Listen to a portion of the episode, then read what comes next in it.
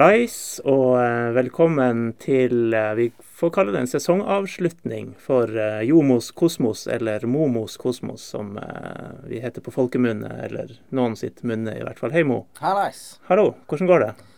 Bare velstand. Og du, da? Jo, det går greit. Det går bra? Det går greit.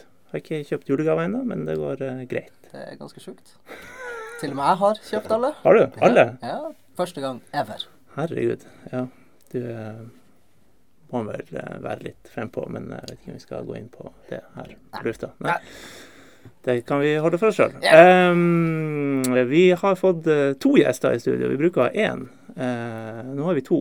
Uh, vi tenkte å runde av med en slags sånn eh, Vi har kalt det for Snasende supporterkisa spesial. Eh, og da har vi leder av eh, Forsa Tromsø, Morten Killingberg. Hallo. Hallo, hallo. Det er Killingberg kj. Ja, Killingberg, og noen sier Killingberg, og så er det, det er mye forskjellige navn på. Mange drar han helt til Killinggren. Men Killingberg, det er veldig bra. Ja, kjært barn osv. Eh, og så er det Espen René Svendsen. Nei da, Espen René Svendsen, hei. Hallo. Tusen takk for at jeg fikk komme hit. Ja, vær så god. Eh, tidligere leder av Tinnfotingene, eh, bare nå glad i tvil. Ja, jeg var leder i Tinnfotingene i mange, mange år, men eh, jeg la opp i 2012-13, noe sånt. Da flytta jeg utenbys for å studere, så da, så da hadde jeg sittet i mange år. Og greit slutte. Det tar mye tid. Ja, det gjør det. Ja. Dere rakk å bli kåra til Norges kuleste supportere eller noe sånt i den eh, Beste. perioden. Beste, ja. Ja. ja. Av Josimar, var det ikke det? Eh, ja, det var en sånn kåring eh, i Josimar i 2009, tror jeg. Da, mm, da alle kapteinene og trenerne i allnorsk fotball ga sin stemme til sånn topp tre. Mm. Og da vant vi. Eh, og vi var jo da annethvert år i andre og annethvert år i første. Mm. Sånn at vi var jo bare annethvert år i allnorsk fotball. Så å vinne den kåringa var jo ganske eh, overraskende, da. For oss. Men de var flinke på den tida, var de ikke det, Morten? Ja, det er vel en eh, Satt litt inne. det. Jeg vil jo si at det kanskje er andre kriterier som eh, burde ligge til grunn. men det er noen annen diskusjon. Men altså, ingen, eh, ingenting vondt om Tinnfotingene. De På den tida var de jo veldig flinke og, og stilte opp på kamper. og eh, Så at de, de tok den kåringa tilbake til 2009, det mm, Ja, fortjent var det nok. Det er mye kreative sanger og sånt, husker jeg. Men uh, kan jeg spørre, nå når du, du har vært innom styr og stell tur, nå er du litt utafor. Men hva har skjedd? Det er litt uh, Det er ikke full, full fyr i verken Tinnfotingene eller, eh, eller publikum på Tule Arena. Nei, jeg har jo, jeg har jo mine teorier om hvorfor det, det døde ut. Uh, og jeg, det en forklaring er jo at de, kjerna i Tinnfotingene, det lille miljøet som var Vi var jo ikke mer enn 15-20 stykker på maksen. Eh, vi ble eldre, folk flytta utenbys, folk fikk unger, begynte å studere, fikk jobber som krevde mye mer. Eh, samtidig så, så ble det et fokus på eh, Altså fokuset dreide seg på en måte vekk fra Tuil og inn i sånn eh, Premier League-prat. Uh, og det klarte vi ikke å snu. Uh, en annen ting som jeg syns også skjedde, var at vi, vi ble uh, Det ble for negativ fokus, altså mot motstander istedenfor for hjemmelag, da. Av grupper som vi ikke klarte å snu. Og jeg hadde ikke Jeg var liksom på vei ut og var delvis slutta som leder, så jeg hadde ikke energi eller sånn til å motarbeide det på en ordentlig måte. Og da, da ble man en vanlig supporterklubb. Skjønner du? Altså Man begynte å hate med høyrebekken til, til Sogndal. Og, skjønner du? Det ble helt latterlig. Uh, Istedenfor å, for å erte han på en, uh, på en humoristisk måte, eller erte dommeren istedenfor å hate dommeren. Eller, skjønner du? Hvis du klarer å applaudere en mots motspiller som setter ballen i krysset på egen keeper, så, så har du en, en supporterklubb som liksom både heier på hjemmelaget og heier på fotballen. Og det tror jeg var tinnfotingene sin styrke på sitt beste. Eh, så da ble det mer sånn tipping og hvordan går det med Liverpool og, og sånn der. Og så ble det mer negativitet liksom, i gruppa, og så mista vi jentene. Mm. Eh, og det førte til at vi eh, sakte, men sikkert ble litt grann sånn Ja, mer vanlig. Litt mer sånn kjip supporterkultur. eh, og da Da Ja, når jeg forsvant ut, i hvert fall, så klarte ikke dem som kom etter, å, å rette opp i det heller. Og da ble det bare mindre og mindre heiing. Så det er de fire faktorene som jeg peker på, i hvert fall. Eh, og så tror jeg at tilknytninga til revymiljøet i Tromsdalen var veldig sterkt når vi var eh, sentral. Sånn at det å, det å finne på kreative, morsomme vrier istedenfor å gå for det klassiske førsteutkastet, eh, så jobba vi mye mer med tekstene, og vi øvde mye mer på tekstene. Og vi hadde liksom kvelder hvor vi prøvde å få det til å sitte eh, ordentlig, da. Og når det, når det ble si, mindre kult på den måten, så døde det bare helt ut. Og det, det er klart at et så li, lite miljø som vi var, det var jo sårbart. Mm. Så jeg tror at hvis noen skal liksom gjenreise tinnfotingene, så tror jeg ikke man skal Det, det, det tror jeg ikke jeg kan gjøre Uh, så veldig lett. For nå er jeg 35 og skallete. Og ikke så veldig eh, med i de unge kretsene. Må det være han eh, Snorre 18 fra Tintrollrevyen? Jeg tror at han? Snorre 18, eller hva nå heter, han som er sentral i, i, i, i revymiljøet og har tilknytning til Tuil, må starte det opp. Og så er det ikke sikkert at det trenger å være det samme som det var før, eller noe sånt, men man må eh, Jeg tror at den tilknytninga mellom kultur og idrett må forsterkes for at man skal få til et supportermiljø som, som i hvert fall ligner litt, da. Som, det er greit å stå og rope, men, men hvis man liksom skulle Ja, hvis man skulle få det til, så, så måtte de gjøre det sjøl. Det måtte være en sånn indre motivasjon på den biten. Jeg vet i hvert fall at vi mista i hvert fall masse tilskuere pga. at dere slutta. Jeg vet ikke hvor mange ganger mine kompiser Jeg spurte dem skal dere på kamp i dag og se meg spille. Ja, vi kom på kamp, men vi kommer jo på kamp for å se på Tinnfodingene og høre på dem. Det, det er jo derfor jeg Ja, og jeg har vært innkalt på teppet i styret. Jeg har sittet i styret i Tuil sjøl, og alle sier det. At, eh, at supporterne i, i Tromsdalen og ellers eh, i byen kom til arenaen for å høre på, på oss som, eh, som sang og ropte ting. Eh, at det var en del av pakken, underholdningsverdien på kamp. Mm. Det er klart Når det blir borte, så blir på en måte produktet eh, mindre. Mindre kjøtt på det beinet. Og det tror jeg det er ikke noe Det er universelt. Det er sånn er det på Anfield òg. Altså, Jeg tror mange går dit for å høre det kopp. Uten sammenligning for øvrig. Men eh, ja, ikke sant. Jeg tror, jeg tror at et styre, at styret tar det opp, og at jeg savner det, det, det på en måte betimelig. Men for meg, det er vanskelig for meg å gjøre det. Jeg tror at eh, jeg tror at Tuil, eh, eller TIL, eller hvor som helst klubb, burde se på seg sjøl som en sånn eh, Ja, en, en bydelsbygger, da, eller en bybygger. Og, og, og at spillere og styre og stell og sentrale personer i klubben går ut og bryr seg om eh, lokalmiljøet på en større måte. Nå sier jeg ikke at altså, Det gjør Tuil, det vet jeg at de gjør. Men at eh, Altså jobbe aktivt for å knytte til seg supporterne. Og så tror jeg at og så tror jeg at man må og så tror jeg motivasjonen må ligge hos supporterne. Jeg kan ikke gå inn og instruere en ny generasjon. Um, jeg kan gjerne stå sammen med dem, men jeg kan ikke være leder. Det har jeg ikke tid til. Eller ork, eller lyst, eller evnenivå. Så ja. Men det, det, det tror jeg. Jeg tror at eh, Jeg ser nå at Tuil er hovedsponsor til Tromteatret. Skjønner du? Mm. Det, det er bra. Det er ikke dumt. Det er utrolig. Det er sikkert ingen penger. Jeg, jeg vet ikke. Kanskje det er en fotball le- Jeg har ikke peiling. Men de er, det står på plakaten. Hovedsponsor Tuil fotball, liksom. Ja, det er lurt. Det er veldig bra. Og eh, hvordan kan man gjøre det på andre arenaer der, eh, der man viser at man bryr seg om befolkninga på en dyp og inderlig måte?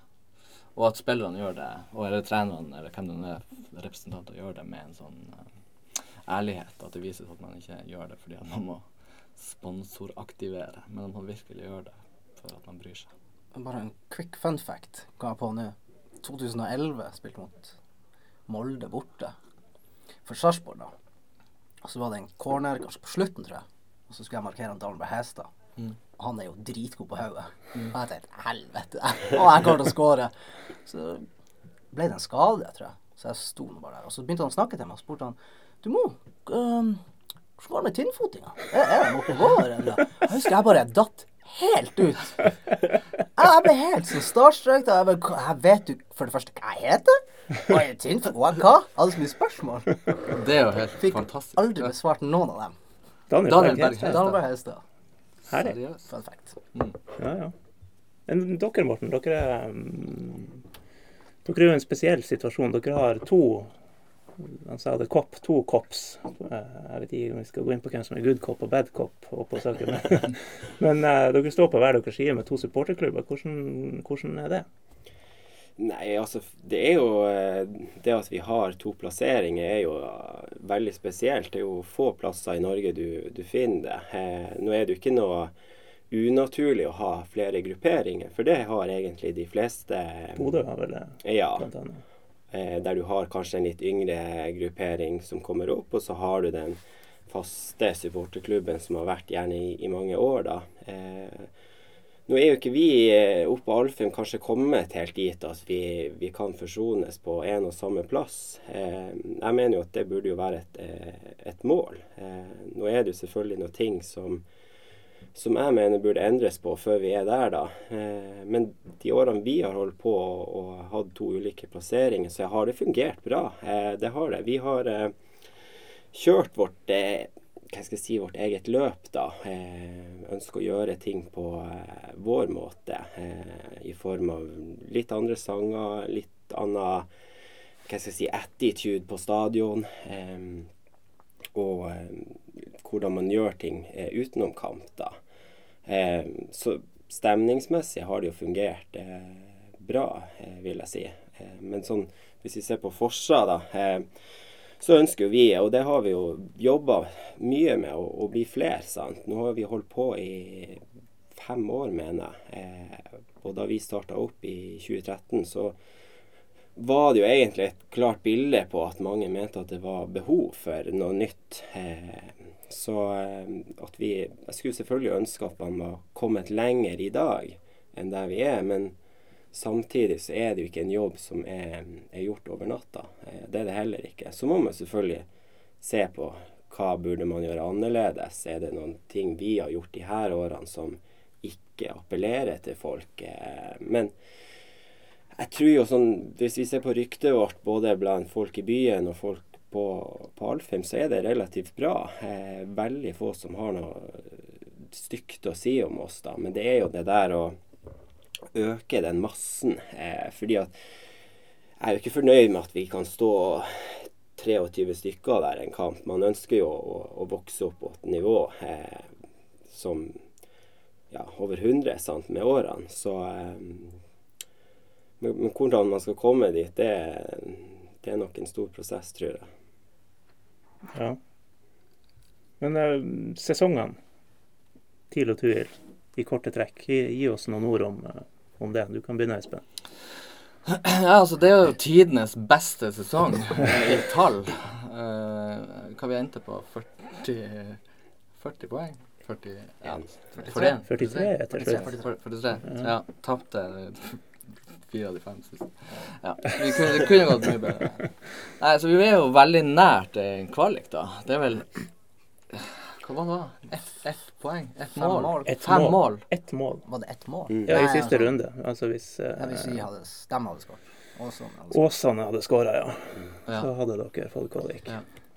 Så man hadde det jo i eh, Altså når man taper tolv poeng på de siste fem kampene, så er det jo så er det jo på en måte ja, greit, kan jeg si. Men, eh, men det er klart at det, vet, det er det er utrolig sterkt. Og jeg, jeg kjenner jeg er utrolig stolt av Tuil.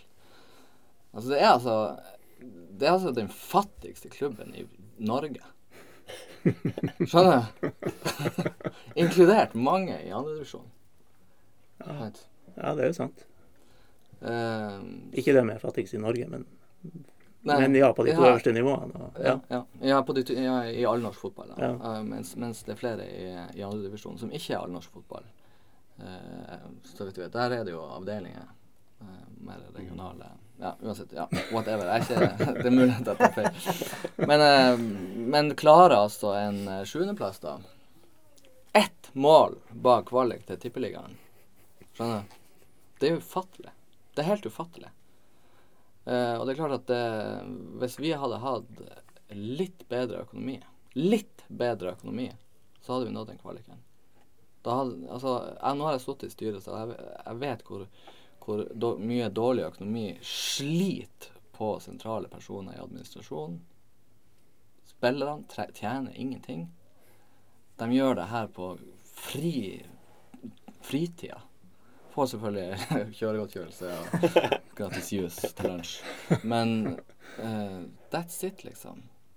Du kunne latt folk uh, ta seg fri noen timer på noen ukedager. Du, de kunne fått slappe av med familien én dag ekstra. Hvor mange poeng er det verdt? Kanskje ett poeng. Ja. Kanskje, kanskje fire poeng. Skjønner du? Da hadde vi vært fuckings vært på nesten direkte opprør. Sant? Altså, vi altså den klubben som tar mest poeng per krone. Sikkert i Europa. Ja, vi kan ikke undersøke. Har du gjort en undersøkelse? Jeg føler du slenger ut mye, men vi, vi stoler på Jeg slenger ut statistikker. Ja, ikke sant. Det er altså, vi, altså Toppidrettssatsinga til Tuel er verdt en 6-7 millioner. Mm, Og hele budsjettet på 10-11. mm. Alt. Alle spillerlønningene. Alle, hele administrasjonen. Hele Yngres. Damelaget. Hele dritten. Alt. 11 millioner. Og vi kommer på sjuendeplass i førstedivisjon. Det er ekstremt. Det er helt sykt. Jeg tror vi sier fornøyd med svaret der. Enn en du, Morten? Nei, for å oppsummere TIL sin eh, sesong, så har det jo vært en veldig rar eh, sesong, kan man eh, si. Den starta jo egentlig veldig dårlig første serierunde, der man eh, taper 4-1 mot et nyopprykka lag. Som rykka ned til slutt. Som rykka ned. Eh, men derfra og ut egentlig til eh, sommerpausen, så er det et veldig godt TIL-lag eh, som plukker bra med poeng. Spiller flott fotball. Og spesielt hjemme på Alfheim er veldig solid. Og det er jo litt sånn man går inn på inn i sommerferien med 24 poeng og, og, og begynner, å, begynner å tenke at ja, kanskje man har sikra plassen snart. At det, det ikke skal bli en høst eh, som det har vært i tidligere årene, der man egentlig bare går og, og biter negler og eh, skal mobilisere for å ikke rykke ned. Eh, starter man jo egentlig opp igjen etter en, en eh, forholdsvis lang eh, ferie, da, eh, med fem strake tap.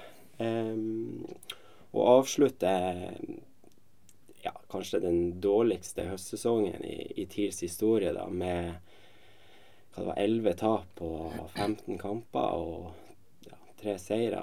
Eh, så veldig god vårsesong, veldig dårlig høstsesong, eh, som gjør, eh, gjør det til at TIL bare, bare havner på en tiendeplass. Eh, og et par runder før slutt, egentlig, så er det litt så nervøs. Skal man rote seg helt ned i gjørma. Så eh, kort oppsummert så tror jeg egentlig ingen er egentlig fornøyd eh, med den sesongen. Eh, men så er det vel at mange ser at det ligger et potensial der, eh, som man fikk se, eh, spesielt i vårsesongen, som, som kan bli tatt videre, da. Eh, Slapp jo den der verste neglebitingen, da. Det var jo Det var litt teori, det var vel det som var eh, Ja. på slutten.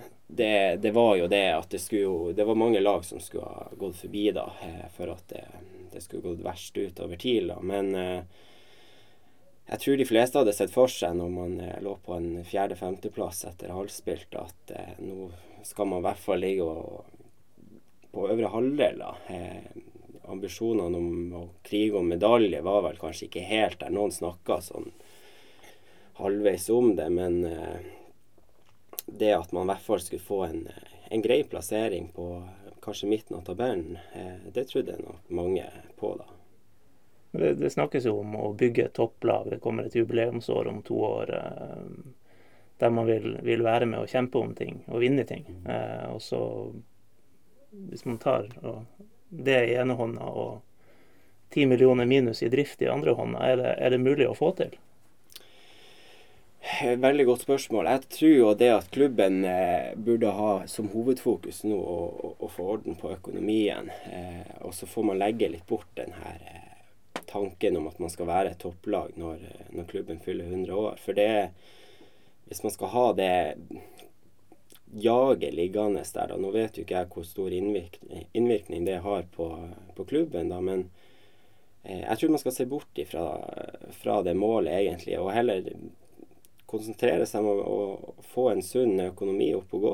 Eh, og så kunne begynne å bygge ut ifra det, da, at du har Du, du driver sunt, sant. Eh, og så eh, om det blir i 2024 eller 2026 at man er topplag igjen, det, det får så være. Jeg har inntrykk av at både supportere til TIL og folk ellers i Fotball-Norge syns det er litt pinlig egentlig at man skal levere dundrende underskudd eh, år etter år, og at det blir sånn. Lærer dem aldri. Så hvis man kan begynne med det, og så eh, kommer det sportslige eh, Selvfølgelig det er en vanskelig balansegang at man skal levere sportslig, og så skal du levere gode tall. Eh, det er jo masse eksempler på at det, er vanskelig. Mm. Det er altså omtrent et Twill-budsjett i driftsminus her. Ja, og det, det syns jeg er helt psyko. Men ja, jeg er enig i det at at jeg tror at det, det å drive fornuftig, det, det, er så viktig. Og det, jeg tror at det, det høres ikke bra ut for befolkninga og supportere og øvrige som sitter rundt klubbene og sponsorer og hele gjengen. At, at det går såpass dårlig. At man ikke klarer å Ja.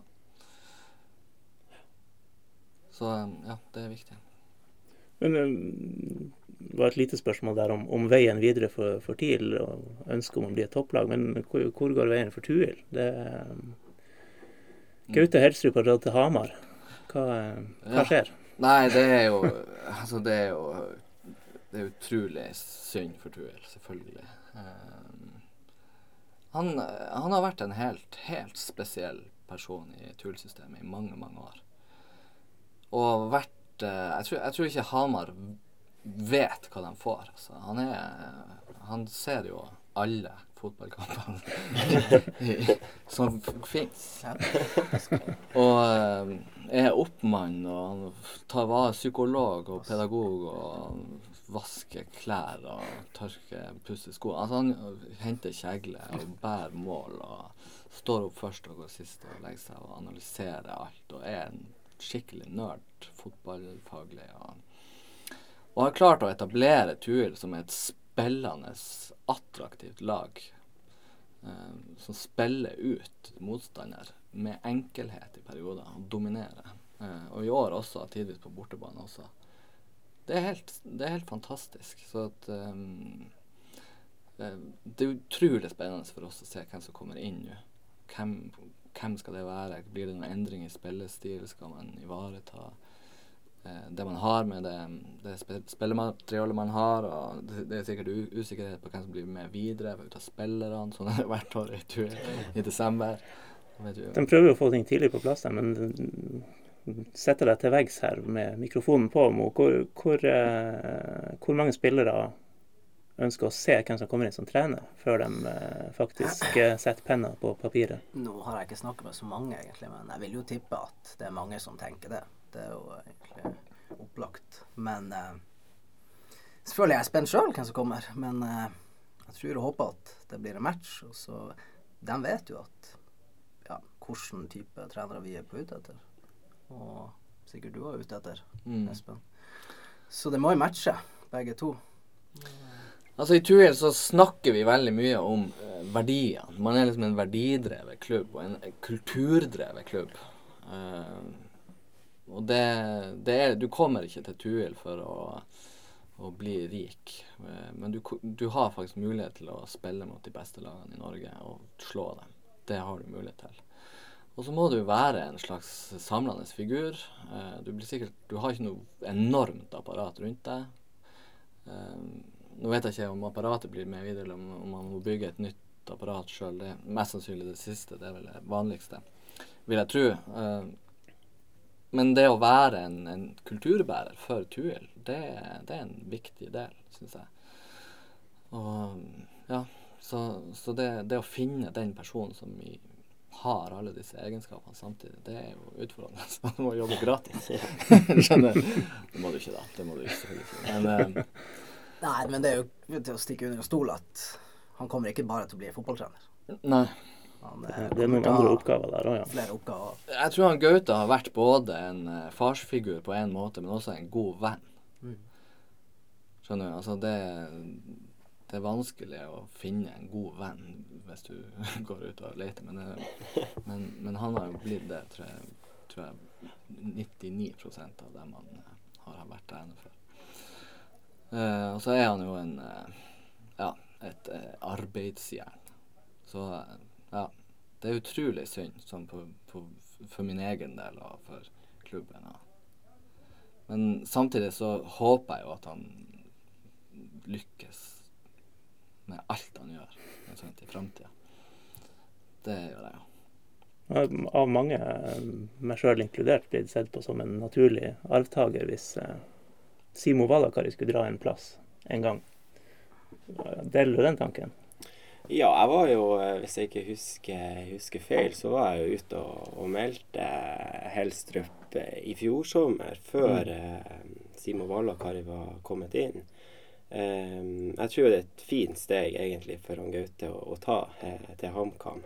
Du kommer til en, en større klubb, ikke minst. Det, du har nok omgivelser som vil kreve mer, men samtidig eh, omgivelser som er villige til å, å gi deg tid. Eh, HamKam har jo vært en eh, litt sånn eh, gammel storhet som har ligget nede med, med brukka rygg, og, og har jo et ønske om å komme opp til, til Tippeligaen. Eh, og det tror jeg jo han, han Gaute vil få tid på eh, å klare. Eh, så det er klart, hvis han lykkes der, og bare det at han er lokal, så tror jeg jo TIL bestandig blir å ha et, et øye på han og, og følge med han. og hvis det en dag altså, åpner seg en mulighet både for klubben og, og han Gaute, da, så absolutt en, en god kandidat til å kunne ta over et, et TIL-lag. Eh, og så er det jo sånn Jeg tror både klubben og TIL og supporterne har jo sett hvordan fotballene står for i, i TUIL òg. Eh, og det at det er en attraktiv fotball der man ønsker å, spille ballen, ha ballen sjøl, mye likt det Simo Valakari ønsker, så så er det noe som matcher der, at jeg tror eh, klubben har tatt det i litt retning nå. Så de henter ikke inn en, en helt annen trener. At det vil kunne være naturlig at en, en Helstrup kanskje eh, kan ta over Valakaris eh, trenerrolle. Får han lov til det? Nei. Jo da, det som, som jeg sier, jeg, jeg unner Gaute alt godt. Uh, hvis han får muligheten til å trene et tippeligalag, som jeg håper han gjør, så kan han fort uh, gjøre det veldig bra der også. Og til og med ta over FK København, som de bruker å gjøre når de har trent han en periode. Så, um, så det, det håper jeg, og hvis det blir til, så er det helt greit. Ja. Apro, litt sånn apropos, eh, annet Martin Skau som lurer litt på om eh, tanker og følelser i og med at det ligger an til, eh, til en deling av Alfheim stadion neste år. Nå ser jeg mest på deg, Espen. Ja, eh, jeg har jo lest i avisa om det her. Eh, nei, det er jo på, på en måte så er det jo helt krise hvis du må spille på Alfheim. Eh, det er jo noe med å ha en hjemmebane som er din. Eh, spille hjemme. Det, kan ikke spille borte hver kan jo være helg. Det blir jo helt feil. Så jeg håper jo at det løser seg. Jeg har veldig stor tro på at det løser seg. Uh, uten at jeg vet hvordan det skulle løse seg. For at uh, Tuil har jo spilt med et for dårlig anlegg, spesielt på lyssida, Mm. i mange år. Uh, og spilt med disp. Skjønner jeg at man har sp- ok, Please, kan vi få spille i år? Kun i år. Så skal vi ordne det neste år. Greit, sier Fotballforbundet. Og så har, og så har man kommet til høsten, og så har man rykka ned. Så har man sluppet unna det. Mm. Og så har man rykka opp til neste år, og så har man sagt hei, please. Hei, det er oss igjen. Ett år. så har man liksom fått disp. Men nå har jo eh, du på en måte eh, ikke røkka ned på eh, tre-fire sesonger. Så nå begynner det å bli sånn Nå må dere faktisk skifte ut lyset. Og det skal jo være sånn 900 lux, eller hva det var, eh, på, overalt på banen. Og det er jo helt vilt jeg tror vi har 33 lux på det ene hjørnet Eh, så du må liksom ha sånne night vision goggles for å spille. Men det er faktisk Champions League-nivå, Ja. Det er for TV-kamper og så videre, så må du ha Ja. ordentlig anlegg. Det er vel tur som egenhendig har sørga for at noen serierunder har blitt spilt klokka tolv her på slutten. Og Ja, de er ikke så glad i oss, de i Obos, for å si det sånn. De er ikke det. Men de sendte vel rundt et skriv òg, det der alt.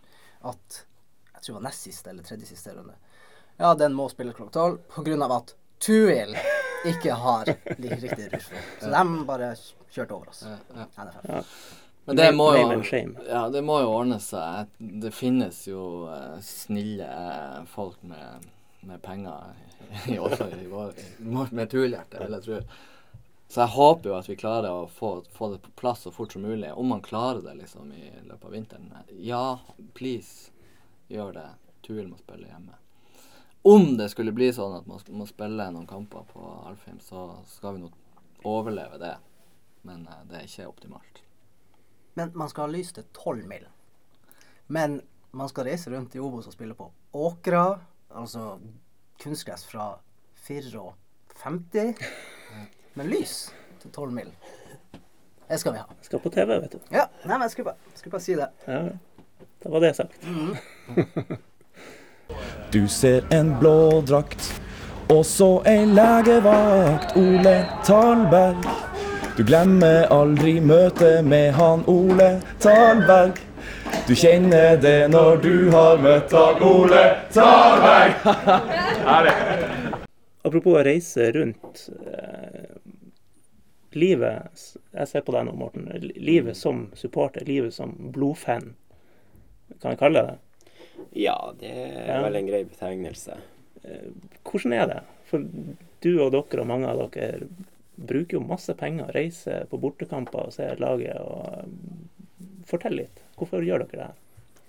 Nei, det er jo, eh, det er jo en eh, stor lidenskap som ligger til grunn for det. Eh, Jeg tror de, de aller ivrigste som, som driver og reiser rundt, de har jo en tror jeg òg føler en veldig til, tilhørighet til klubben, da. Eh, og som for, for min egen del så har jeg reist rundt på bortekamper nå i ti år, blir det vel. Eh, selvfølgelig litt ulike antall eh, hvert år, da. Men for min del så er det en opplevelse å, å kunne reise rundt og ikke sant, eh, støtte klubben og, og, og laget og, og føle deg som en, en del av det. da. Og så er det jo bestandig den her eh, Sånn for min del, da, den drømmen om å få oppleve en, en seier som tok veldig, veldig Du fikk det i år. Ja, jeg fikk det i år. Eh, det gjorde jeg. Jeg har fått to i år. To til. Ja, så nå er jeg godt i, i siget. Men eh, min første borteseier var jo i Bodø for to år siden. Og den følelsen egentlig du, du får da av å vinne borte, og attpåtil mot, mot Glimt, da, sånn det er jo en, en følelse du vil eh, kjenne på flere ganger, og som hele tida gir deg lyst da, sant, til å, å, fortsette å reise. Da, at, eh, og så er det jo det sosiale. Sant? Man treffer både venner og familie på reisene, og prøver å kombinere det litt sånn, da.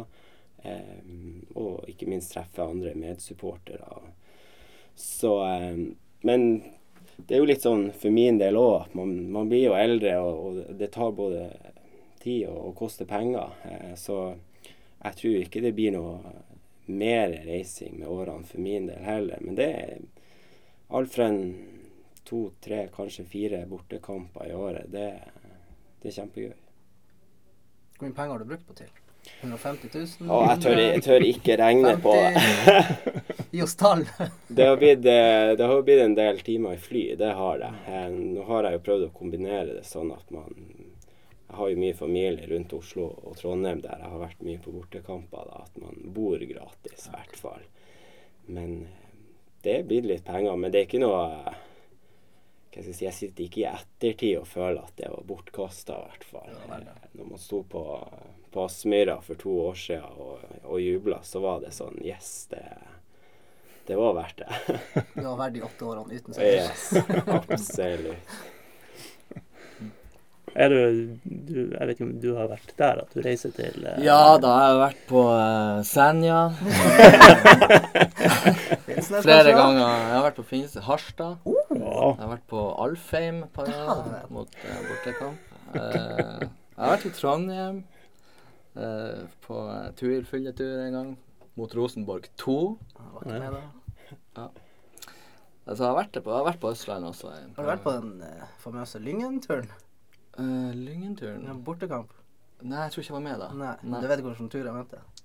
Uh, jeg tror jeg vet Ja, okay. eh, litt. Nå er det flere der ute som gjerne vil vite hvilken tur du mente. Nei, jeg, jeg var ikke med, så du var Nei, nei jeg, vet jeg, kanskje 10 av historien. Jeg, hørte, jeg husker bare at uh, Tinnfotene skulle, de skulle ha fest etter kampen. Det ble jo litt fest før kampen òg. Ja, det jeg husker det. Jeg har ikke noe inngående info om det her, dessverre. Men jeg eh, husker, det. jeg husker det. Ja, nei, men det er jo artig. Det er jo artig. Vi har jo eh, Ja, altså Når jeg har vært med de Jeg håper det er mer i den historien enn at noen fester litt før kampen, for det er jo ikke uvanlig. Jeg tror det var litt mer, men jeg vet ikke helt. Jeg, Altså, Fortell jeg- det du jeg- tror du vet. Jeg kan ikke si noe mer enn det, dessverre. Fordi jeg kan ikke Det her ble veldig kjedelig. Vi skal få noen inn som vet hele historien. Nei, det er jo artig. Det er jo artig å dra på borteturer. Eh, nå er jo eh, nå er våres litt mer Eller har vært Jeg har vært på De fleste har vært ganske lokale, da. Men eh, kjøre til Senja og tilbake og kose seg. Når du var til Alta? Hæ? Til Alta, når vi røkka ned? Jeg, var, jeg har vært i Alta, men ikke den gangen, nei. Eh, ja. Det, men da, da er det jo I hvert fall med tinnfotinga, så tror jeg de satt på samme bussen. Ja. Eh, Så det er jo litt sånn Kjøre hjem eh, i nedrykkstemningens sus. Jeg, jeg husker jeg snakka med flere som satt på den bussen, inkludert han Gaute. Det var, det ble- det var god stemning der. To første timer var ikke så artig. Men vi hadde det artig til er slutt. det kom seg. Ja, ja, det kom Ja, seg. Jeg er glad tinnfotinga var med, for å si det sånn. Nei, altså det er jo, det er jo en forbrødring, da. Altså reise rundt og, og møte de andre supporterne, ikke minst. Og det syns jeg også har vært artig de årene man har liksom vært tyngst inne i supportermiljøet. At man har bonda litt med de, de supporterne som kommer opp og tar ei øl etterpå på, på byen. Og så er det god stemning. Det har veldig sjelden det har vært dårlig stemning. Eh, Ja. ja så det, det er bra. Enn dere er noen hooligans? Miljø. nei, det er ikke i Tromsø. Ah. Det, det tror jeg det er veldig dårlig med. Men det er jo altså Jeg vil jo ikke kalle dem hooligans, men det er jo miljøer, kan man jo si, sørpå som eh, Som eh, kanskje ikke har helt eh, rent mel i posen, da. Men jeg tror det, de her eh, hva skal jeg si, casual-miljøene som var veldig for en ti års eh, tid tilbake. Eh, de tror jeg har dødd litt ut nå, eh, fordi det, det er jo ikke noe kult å begynne å møtes før kamp eller etter kamp og, og slåss og være helt bajas. Eh, det er det ikke. Så eh, Men du har jo eh, spesielt de her yngre grupperingene som kommer opp nå, som har egentlig en litt annen form for supporterkultur. da. Du, du kler deg ikke opp i ja, tildrakt og tidlua og skjerf og det ene og det andre. Det er mer nøytral bekledning og Canada Goose som det. ja, det òg. Og litt sånn blussing og røyking og før kamper for å skape, skape litt liv, da. Eh, og så er det kanskje i noen miljøer at det ikke alt foregår som det burde, da. Men jeg tror de fleste har et ønske om å, å skape liv på eh, både før kamp, eh, under kamp og, og etter. Ja. Jeg syns òg fra, fra England med casuals-miljøet og sånn, det Man hører mindre om det. Der det møtes før kampen for å slåss. Ja. Ja, at jeg, spesielt i, i Norge nå, nå må det ikke høres ut som at det her er et miljø jeg har vært innblandet i, men det, det er det ikke. Eh, Men man har jo hørt litt historier opp gjennom årene og, og lest i media, ikke minst. Så jeg tror egentlig her, her til lands er det dødd veldig ut. Eh, Det er det. At det er gått litt over på andre eh, former. Eh, At man heller legger den energien over til å faktisk skape liv på stadion, da. Hvis det er noe som kan ties i hjel, så er det jo bare supert. Mm, absolutt. Vi holdt jo på å dra oss juling og TIL-supportere en gang. Fortell. Eh, Vi Vi Ja, det var den kampen, cupkampen var det 2011, da vi, da vi leda hele kampen Nei, hva det var det? Vi sk 2006? Jeg tenkte på Alfheim. Å, på Alfheim, ja. Mm.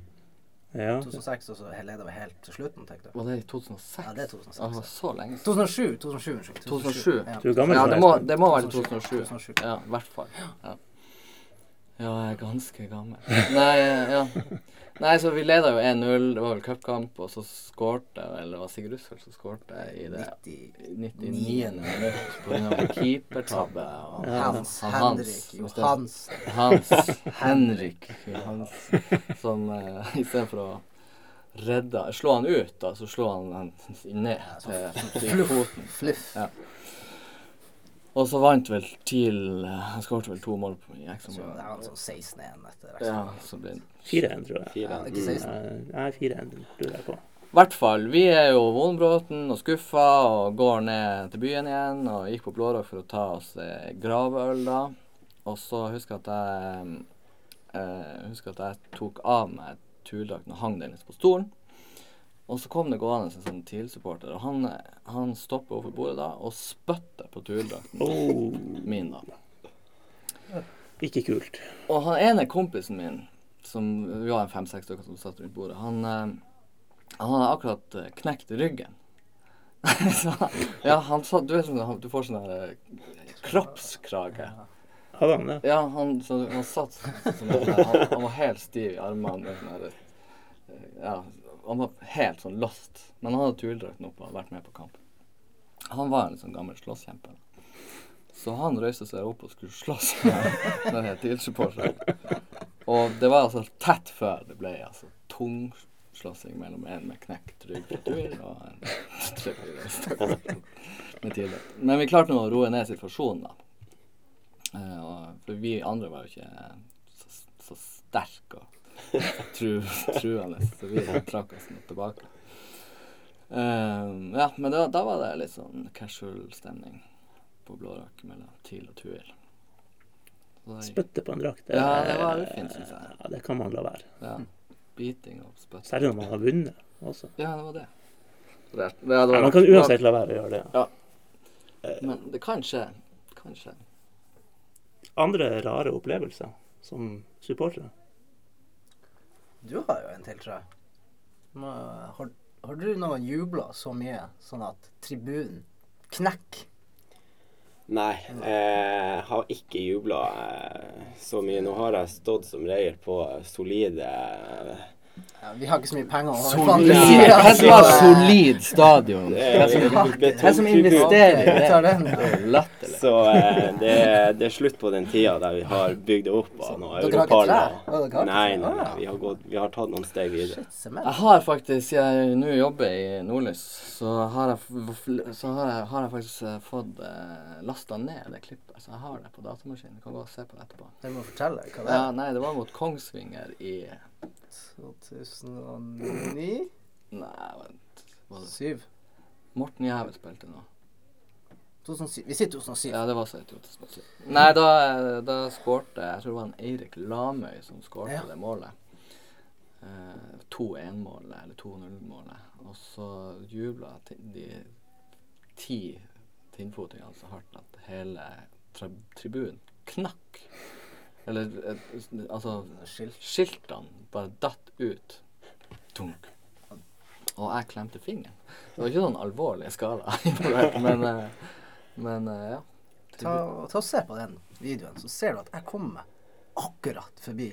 ja. Altså, Ja. Det, er- det er Guds lykke at jeg sitter her nå. Jeg har den. Ta og se på den. Jeg har Det er helt vilt. Jeg legger den ut. Ja. Ja, kan, kan vi få den og legge den ut på podkastprofilen? Ja. Ja. Perfekt. Mm. Det må vi gjøre. Mm. Kan jeg. Ja, det var god stemning. Det, det, var, det var jo Vi flirte jo bare. Jeg husker ikke hva, hva som ble sagt. Eh, Delegaten fra NFF Jeg måtte jo bare prøve å Ja. Det var ikke akkurat sånn at vi prøvde å tru, storme banen. Men jeg, jeg husker de neste kampene, når vi skårte, så sto vakten sånn Nei, nei, ikke kom hit! Ikke kom hit! Ja. Det er knekt. Ja. ja. Det var på gammeltribunen på Tuel Arena, så den er jo ikke akkurat eh, Den er ikke ivaretatt etter det heller, vil jeg tro. Vi har fått en ny tribune. Den er, jo, den er jo oppgradert med nytt gjerde, da. Det, det må jo sies. Ja, det er den faktisk. I dag er den det, faktisk. Ja. Ja. Mm, den er forsterka.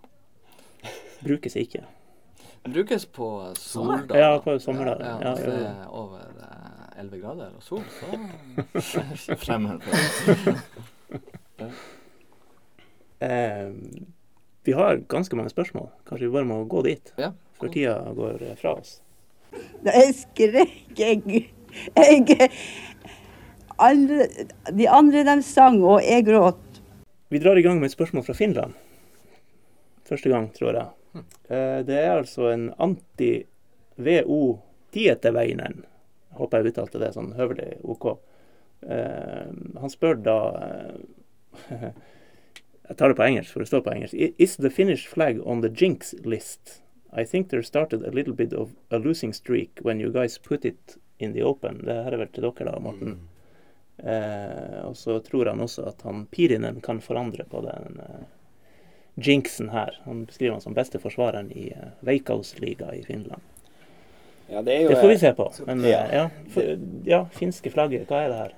Nei, det er jo en litt sånn eh, morsom historie, da. Vi eh, Han eh, Anti, da, han eh, Jeg er kommet litt i kontakt med han på, via Twitter, da. Eh, han eh, følger med mye med finsk fotball. Eh, kjenner Simo Valakari godt og følger derav mye med på på TIL og norsk fotball. Eh, og så har jo vi eh, prata litt om at nå når det ryr inn med våre finske venner, da, at vi burde hatt et flagg til dem, sånn at de føler seg litt hjemme. Eh, og så kom det nå egentlig opp at eh, han skulle ut til Tromsø, eh, og da var det første hjemmekampen etter eh, sommerferien, da. Eh, og vi fiksa, han kjøpte finsk flagg i Finland, tok det med til Tromsø. Og vi var jo eh, råfornøyde at endelig skulle vi få opp det finske flagget på, på feltet vårt, da. Og det ble jo tatt opp eh, flere hjemmekamper som bare endte med, med tap og uavgjort. Eh, så det ble egentlig lagt eh, godt gjemt inn i den boden vi har oppe på Alfheim. At eh, det var liksom en eh, eh, Som vi var inne på i stad, en vårsesong der vi var fantastisk hjemme. Eh, og så smeller vi opp et finsk flagg, og så går det rett åt skogen. Så jeg er jo litt sånn at man er jo nesten litt overtroisk når man kommer til, til sånne ting, da. Så, men vi får, se, vi får prøve på nytt til neste år og, og henge det opp. Og nå har vi jo enda en finlender om, om bord som eh, får gode skussmål, og som jeg tror kan, eh, kan være med på å forsterke TIL. Det er mye sånn her eh, overtro. Altså Ordet jinx går vel mest igjen blant fotballsupportere, tror jeg. Ja. Ja, det er jo mye overtro både i, i kunstfeltet og i, eh, Ja. i idretten. Ta på seg sokkene eh, riktig vei osv. Gjøre sin rutine på riktig måte før man går eh, på scenen eller ut og spiller en kamp. Så hvis Man skal eh, ikke si lykke til for ei teaterforestilling. Nei, Du skal i hvert fall ikke si takk. Hvis noen sier lykke til, så skal okay. du ikke si takk. Ja. Da må du si sånn mm, Ty. Ty. Ja. Nei, eh, ja. Og ja, i teatret også. Det er ikke lov å plystre. eh, Ja, det er litt sånn masse greier. Eh, så hvis man har en lykkeshorts og man plutselig taper, så må man må ut. Eller ja, et flagg eller Ja, ja. Det må bare Få, brennes. få det bort. Ja, jeg, jeg er ekstrem på det der. Jeg må ha det som det alltid har vært. Ja. Jeg må gå bak høyrekanten. Mm. Alle må sitte akkurat på samme plass i bussen på bortekampene. Mm. Ellers går det til helvete. Du kommer til å tape, jeg kommer til å knekke beina. Ja. Og flyet kommer til å krasje. Ja. Ja. Ja, det er en sånn mental greie som, som du får inn i hodet. Å nei, jeg har ikke den lille ringen på meg. Eh, så, så, ja, jeg, jeg forfalt bare på Penisringen til penisringen. Så jeg har alltid penisring på meg. Nå har jeg ikke den, så tenker du bare på det. Så klarer du ikke å fokusere på Nei, det du skal fokusere på. Så det er en sånn, det er en sånn greie. Er helt enig. Litt sånn, han Anders, han bruker alltid Anders Jensen. Ja, ikke Han konsekvent setter han seg feil i bussen. Jeg blir Jeg nerver. Gjør han det for å tulle med deg, eller? Noen ganger. Men noen ganger så bare er noen andre og setter seg på hans plass. Da sier jeg Må du fjerne han, da? Kan du snakke med han, Anders? Ja. Ja. Nei, jeg har det jo eh, Jeg har, det, jeg har jo gratis ølshow i kveld, og jeg er allerede begynt på mine seremonier. Sånn at hvis ikke Hvis ikke Ja. Hvis ikke alt er som det skal, så blir jeg en demon. Da begynner jeg å kjefte og irritere meg og fokusere på feil ting. Ja, så det er noe der. Ja. Du får jo bitte Finland-flagget rundt ei geit og ofre den på Alfheim. Det var det man skulle gjøre da de styrte mot nedrykk eh, et år for mange år siden. Tror vi, tror Uten vi- finsk flagg, da. Ja, tror vi, vi, må, vi må gi den en, en sjanse til. og det, det skal nok henge et finsk flagg der når det eh, første hjemmekamp til neste år. Jeg håper det ikke blir som uh, Violet Road-sangen, eller ja. Nei, den har de jo bestemt at den skal vi jo spille foran hver hjemmekamp. Så det er jo bare for å, for å drege det mest mulig ut. At eh, de som eventuelt ikke husker den cupfinalen, skal nå for guds skyld bli, bli påminnet foran hver hjemmekamp. Så det, det er jo en liten artig historie òg bak den sangen. Det var jo eh, året etter cupfinalen, når TIL hadde bortekamp mot Tottenham, da. Eh, så var det jo masse trom ja. Masse tromsøværinger, det var god stemning. Og eh, vi kjørte jo selvfølgelig i gang den her eh, 9000-byen-sangen. Og det var vel to ganger eh, Tottenham skårte jo tre mål den kampen, men to, to av de gangene vi kjørte den eh, sangen i gang, så skårte Tottenham. Så det ble jo en litt sånn barnlig sang i, i ettertid, da, for, um, som egentlig har ligget litt sånn brakk før TIL henta den opp nå her eh, for ett eller to år siden. Jeg husker godt vi satt på pressetribunen, og Tottenham skåra 2-0, og da var det han eh, Morten Høyning, som ikke lenger er blant oss, da, som også var med på den turen som, som Kakheim. Og sa ja, hørte du de sang sangen nå, rett før de skåra? Da hadde ikke jeg fått det med meg.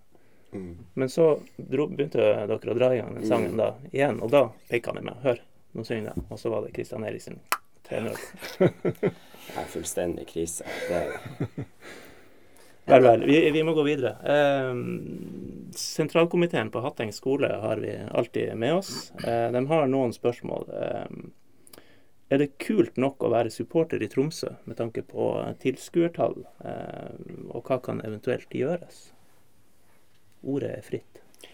Nei, jeg kan eh, svare på det. Eh, jeg mener at det ikke er kult nok. Eh, selvfølgelig å være supporter. Mange er, er nok supporter av både TIL og, og Tuil. Men eh, hvis vi ser på det å være en, en stående, syngende supporter, da, som eh, vi i Forsa eller Isberg eller Tinnfotingene er eh, Nå sier jeg ikke at alle andre ikke er supportere, men hvis vi ser på den, den gruppa, så mener jeg at eh, her i byen så er det ikke eh, kult nok å, å være en sånn supporter. At hvis vi skal sammenligne oss med kanskje andre byer og klubber, da. La oss eh, ta Strømsgodset som et eksempel, da, som er ca. like stor by. Eh, har ikke så fryktelig mange, eh, spesielt i år, da, eh, altså flere tilskuere som går på kamp. men de har en mye større prosentandel av de som går og, altså står og synger eh, på kamp. Men skal vi plusse Forsa og, og Isberget, så runder vi kanskje 50-60 eh, til vanlig.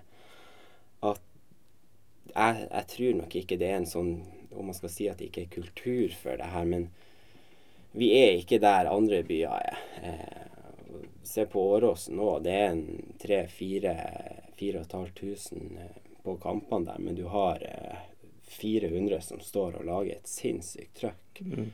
Em, så Hva det kommer av? Er vi for eh, krampeurban i Tromsø?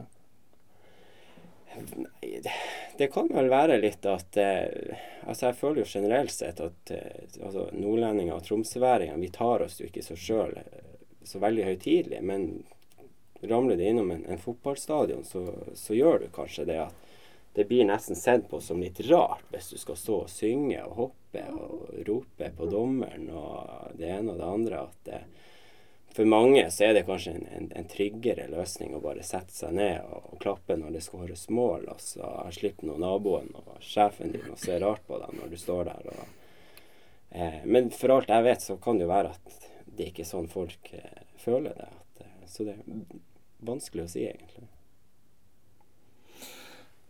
Eh, altså, når vi var, når vi var på, liksom, på, på maks på toppen liksom, i Tinnfoten, så var det kult eh, og bære duellsjefer.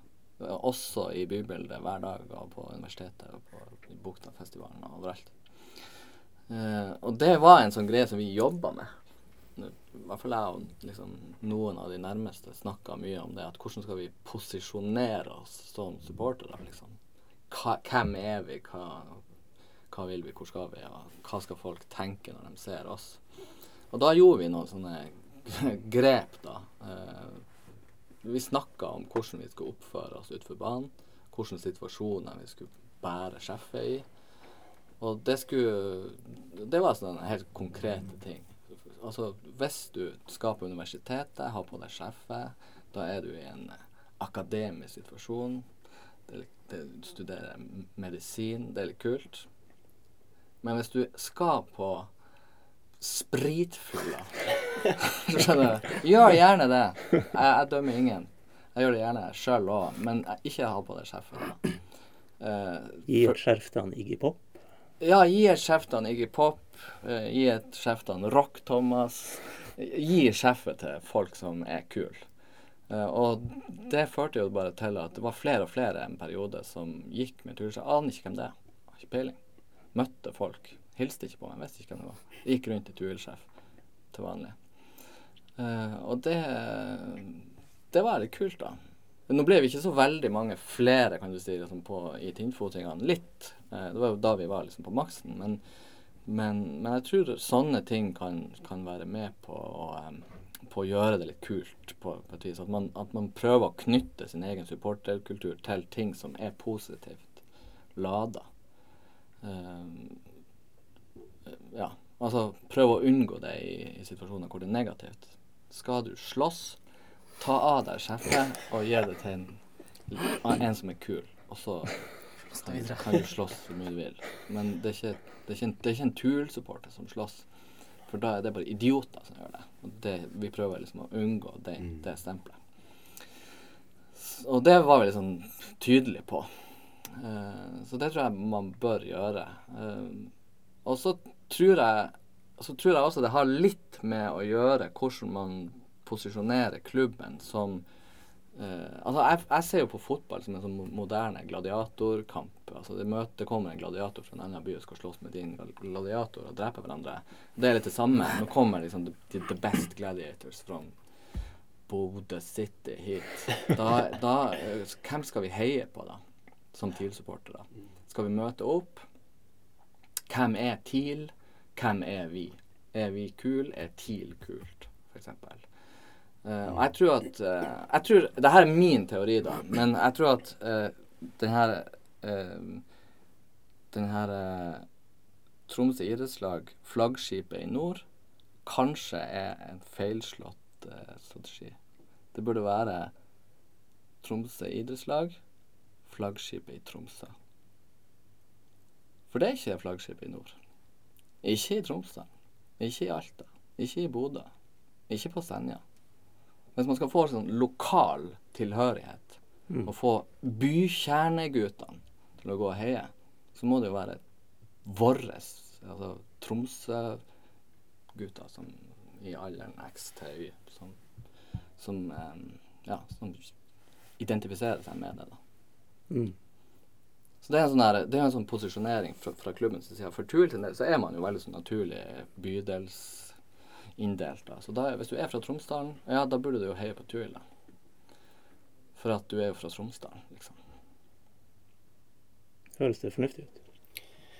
Det er spennende eh, innspill han kommer med, absolutt. Eh, og, og spesielt det her med at man eh, kanskje burde øke engasjementet, spesielt blant folk i, i Tromsø, fra Tromsø. Eh, det her med, med Nord-Norge stolthet sant, og alt det her, det er jo at TIL har jo eh, mange supportere egentlig spredd rundt i, i hele Nord-Norge, og, og, prøver nok sikkert da å dekke hele den, den paraplyen. At, eh, men skal du spole tilbake til kanskje 90-80-tallet, da det var bygutter som spilte på TIL, og hele byen Tromsø eh, var på kamp, at eh, kanskje burde man kunne begynne å, å rette altså blikket litt inn på hva burde vi gjøre for å eh, altså nå byen Tromsø, da, eh, for å få en høyere, altså en, en bedre stand eh, blant befolkninga her. Eh, og så vil jo alltid de komme dem fra, som kommer kjørende fra Senja og, Lyngen. Og, jeg mener ikke at man skal ekskludere, men man må dem. Det, det, mm. De må jo gjerne komme.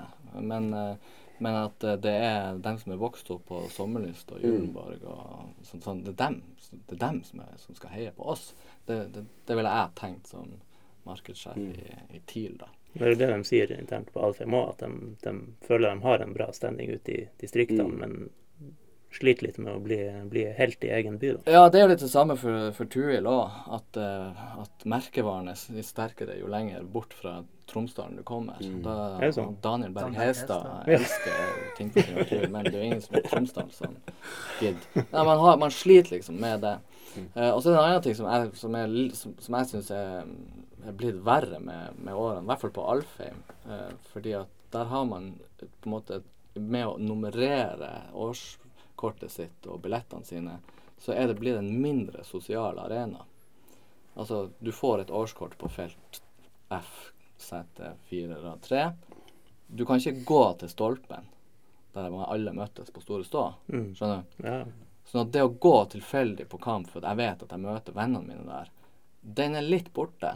Jeg må liksom sitte sammen med han naboen min fordi at vi kom på at vi skulle kjøpe i lag. Så da må jeg sitte sammen med han. Så det er liksom OK, jeg og han. Yes, ingen andre.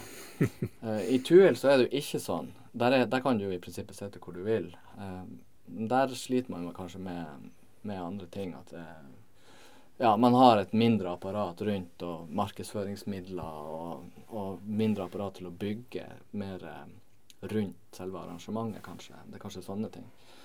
Jeg, jeg, jeg ville jo ha prøvd å designe en hjemmekamp som noe mer enn bare en fotballkamp.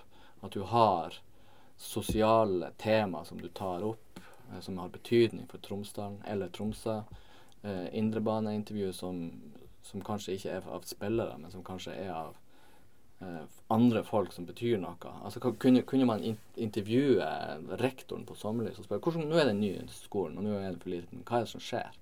Liksom Tatt pulsen på det som skjer nært klubben, som ikke handler om, om, fotball. Da Da hadde du liksom bygd på argumenter for å gå på kamp. Å ja, og ordføreren skal intervjues, eller gjest på Alfheim i dag. Eller ja, sånne ting. Gjort noe med med food and drinks. Altså det er pølse, det er Midlandpølsa. Den er liksom veldig identifisert med TIL. Kunne man bygd noe mer rundt det, gjort, gjort litt fetere? Kunne man i Tromsdalen kvitta seg med Midlandpølsa og tatt et sjømatvalg? Skjønner du? At man eh, differensierte seg på andre ting enn bare fotball. For fotballen er den er så enkelt tilgjengelig på TV, også med Eurosport Player og whatever. Åpenbar forklaring, ja. ja hele tida. Sånn at argumentene for å gå på kamp må forsterkes og forstørres med andre virkemidler. Uh, Vi må frese videre. Ja. Men det var mye vettig. Eh, her er en fin en fra Andreas Nyheim. Eh, også fått et lignende spørsmål fra Jonas Sørensen med litt annen ordlyd. Men eh, Andreas sitt spørsmål er til begge to, Espen og Morten. Eh, hvem ville dere helst ha henta over brua? Eh, fra TIL? Mm. Eh, jeg hadde Ja, OK. Ja. Jeg ville, jeg ville, sagt Tom Høgli, men han er jo slutta. Eller Hans på bekken. Men han, er jo, han kan du ikke få. Han jo, ja, han kan vi kanskje få. Nei, han er ikke lagt opp. Nei, han Har ikke lagt opp Nei, han skal bare slutte i tid. Ja. Det er jo gamle helt, det er en gammel helt i Tromsdalen, så det hadde vært bra. Jeg, jeg vet ikke, jeg ellers. Gjermund Aasen er så mye skada. Vi vil ikke ha. Nei, da får, vi, da, da får han sånn sykemelding, så da får vi penger tilbake. Det er bra. Gjermund Aasen skada hele sesongen. Ja. Nei, eh, Simo? Simo Wallach hadde kanskje. Oh. Okay. Ah, ja, kanskje. Ja. Dere trenger jo trener. Lande på han. Litt mye bling-bling i ørene. De kjører ikke sånn. i dag. Nei, Det er faktisk sant. bare bleika hår som mangler. Jeg vet ikke hvem jeg hadde vel henta. Ja.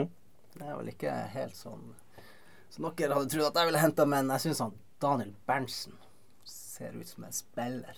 Dæven, eh, han syns jeg Ja, han ser er- sykt artig ut. Tidvis. Jeg tror jeg hadde likt å spille med han. Altså Hvis jeg måtte bytte, og det må jeg jo, med en annen spiller for laget vårt, så hadde jeg sendt han Vegard på hodet og ræva over. Lysvold. Lysvold. Så får han, eh, så får han Berntsen spille bak meg. Okay. Hvorfor det?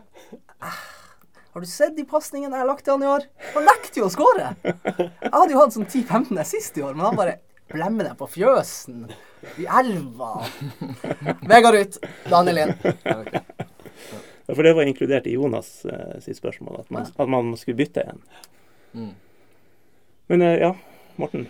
Eh, Hvis jeg skulle hente en fra Tuel, så eh, Mo eh, du, har jo, du har jo fått din sjanse på. Kvalfheim, og du har jo egentlig fått skåret ditt mål der òg, som for øvrig ikke ble godkjent.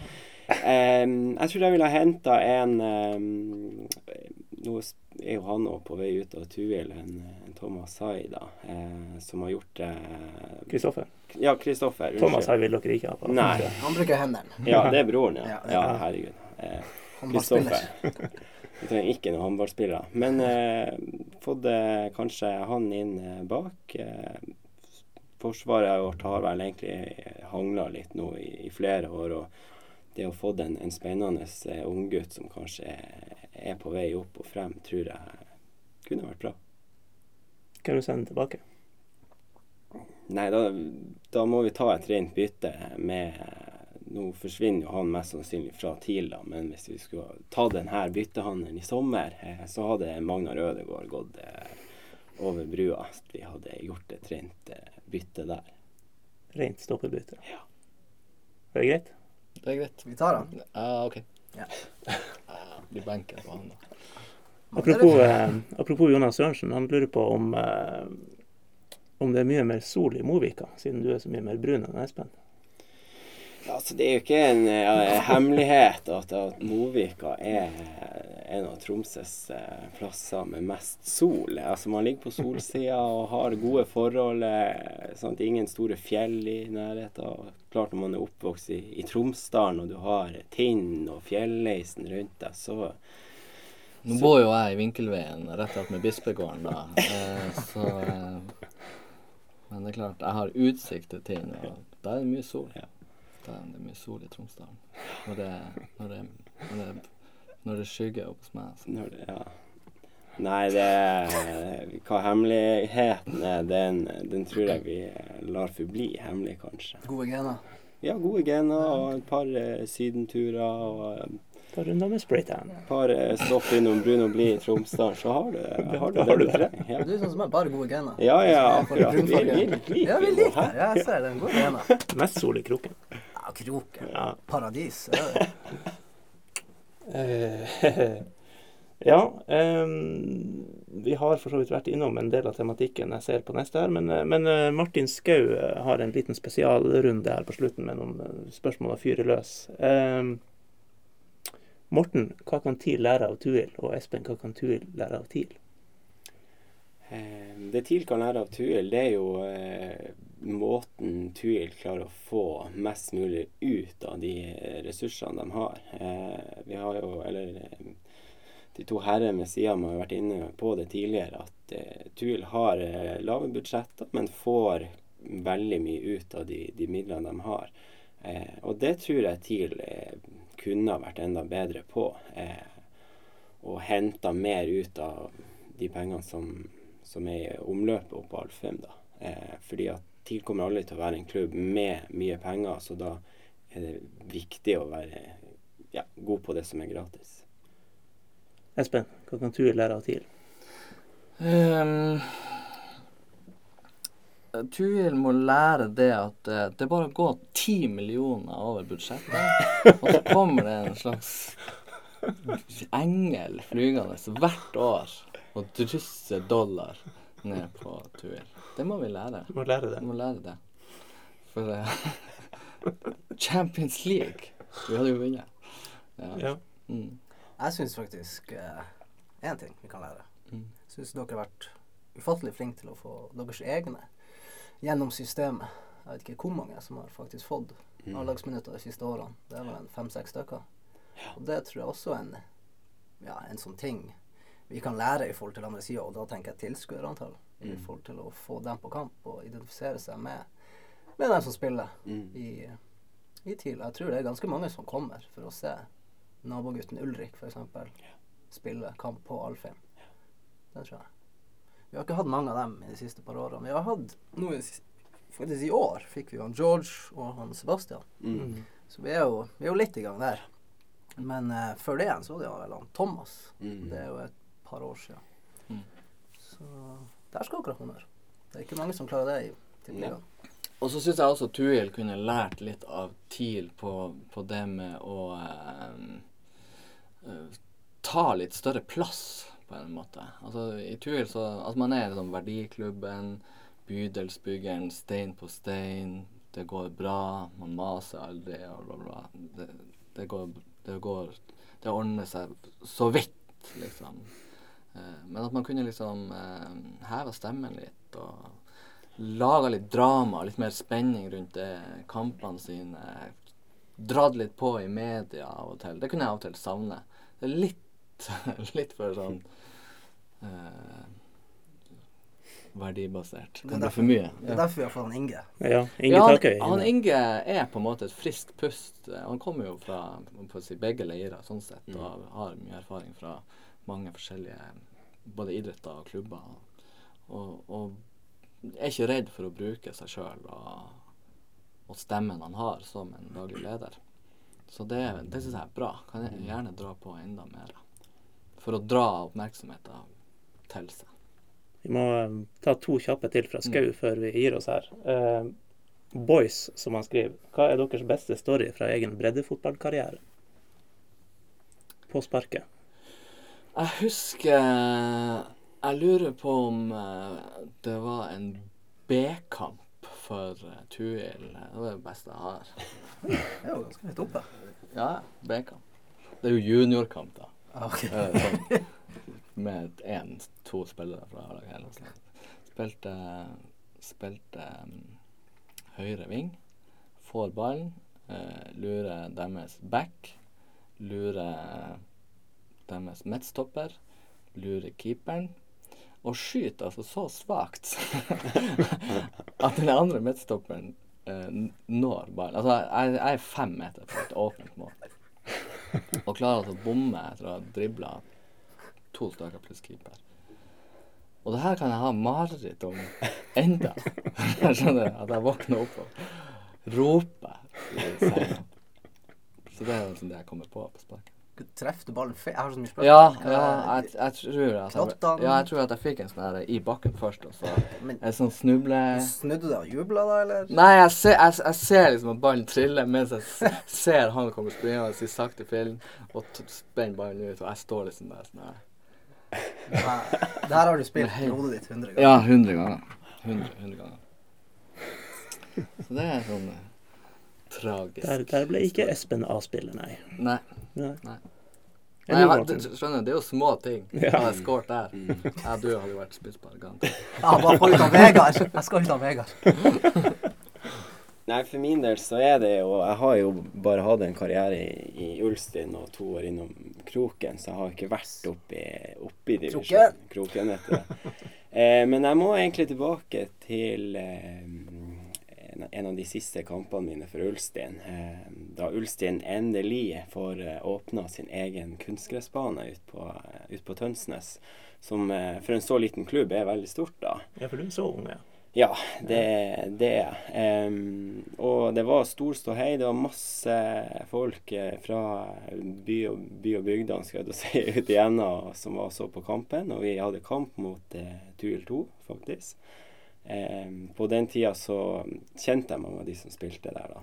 Um, og så eh, Det her blir jo litt snikskryt, da, men eh, skårer egentlig et fantastisk fint mål. Eh, altså Hadde det vært filma, så hadde det gått sin, eh, sin gang på, på det ene og det andre. Men får ballen på en sikkert 35-40 meter. Og, Minst. Ja, minst. Eh, halv volley, eh, og bare mose til. Og, og ballen eh, Altså får eh, det treffet og, og havner jo selvfølgelig i krysset. Eh, og, og skårer liksom det første målet på Tønsnes Arena, det, det var litt stort for en ekte Ulsting-gutt. Så det det er kanskje noe av det jeg husker best fra min store karriere.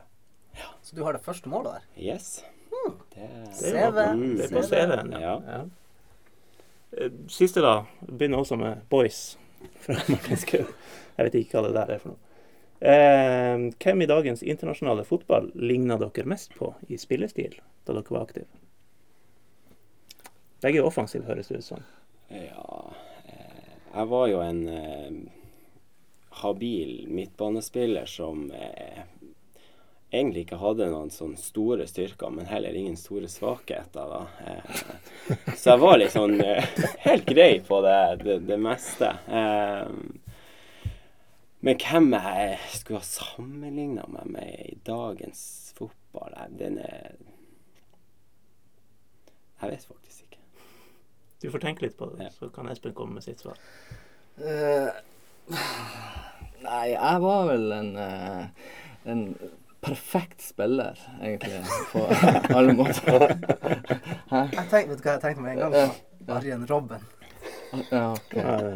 Frekk. Som Du så jo på hårdiskriminering. kant Ja, kanskje. Uh, altså, jeg, jeg ble jo kalt for en for mange. Uh, for at jeg, jeg var jo veldig glad i å drible, og ganske rask på de første 40. Og elendig eh, Altså, jeg kunne gjøre fire sånne løp, eller hva så jeg måtte jeg bare bytte, seg på så slitt. Fikk ikke å trene så veldig mye sånn kondisjon. Men eh, røkke og overstegsvinter var liksom det som jeg hadde. Så kanskje Arin Robben. Men jeg hadde ikke noe Han, han, han, han kan jo vende inn og skyte ja, mål med venstre. Ja, det jeg kunne- han ja, det, jeg, har- jeg hadde ikke venstrefot. Rural Fox. Hvor- gammel er du? Jeg er veldig gammel. I dagens eh, Aaron Lennon. Litt sånn Men det, når du sa liksom du var jevngod på alt, Mm. jeg tenkte på han Roar Strand, da. Ja, det Han er jo en, var jo en, en spiller som egentlig ikke hadde noen eh, hva skal jeg si, egenskaper som var Han var god, Ja. grei på det meste. sant? Litt sånn usynlig spiller som Lojal. er lojal, ikke minst. Så eh, selvfølgelig eh, Roar Strand Kunne egentlig spille overalt. Eh, Nei, det Oi. kunne jeg ikke. Jeg trivdes midt på banen, sant. Og, Josh Pritchard. Nei, vet du hva. Det Der, det, der går grensa. Råstrand, den, den er fin. Arjen Robben og Roar Ja. Ja. Robben det var Den var ikke pen. Jeg kjører Daniel Berntsen på meg. På deg. Du, du er en Daniel Berntsen? Daniel Berntsen. Berntsen-type. Ja, ok. Ett og samme. Begynte med at jeg begynte å tenke på hvem jeg kunne være, men uh... Høyreback. ja. Litt sånn uh, god, god langpasningsfot. Uh, ikke noe sånn spesielt ellers. Rob Jones. Men det er jo Vi er jo så gamle, vi. Begynner vi å bli veldig gamle. Toby Aldeverett som ikke kan takle. Kanskje noe sånt. Kanskje det. Vær du her. Mm. Tusen takk for at dere kom. Vi eh, anser altså det her som å være en, en sesongavslutning, men eh, det er ikke umulig at det blir en liten sånn julespesial. Vi skal ikke love noe, men vi kan nesten love noe, kanskje. Det kommer vi tilbake til. Hvis ikke får vi si god jul, da. Da sier vi god jul. Ja, det tror jeg vi kan si uansett, for det blir sånn romjulspesial hvis det blir noe, tror jeg. Eh, Så jeg tror vi sier god jul. Gledelig jul, sier man da. Gledelig jul. Gi oss i gave at dere får eh, ti venner til å eh, følge oss på Facebook eller Twitter. Lik og del. Lik og del, ja. Mm. Eh, Fem stjerner på iTunes. Fem stjerner tar vi. Vi tar imot alt, egentlig. Og så skal vi se om vi får ut den her eh, tribuneknekkinga i noen kanaler. Snakkes! Snakkes. Det gjør vi. Gjøres. Hi, Philip. Great match today. Congrats, 30 years. Have a nice Saturday. Congrats again. Have a nice evening. We take them all. Just take them all. Have a nice evening. Happy birthday. Happy birthday.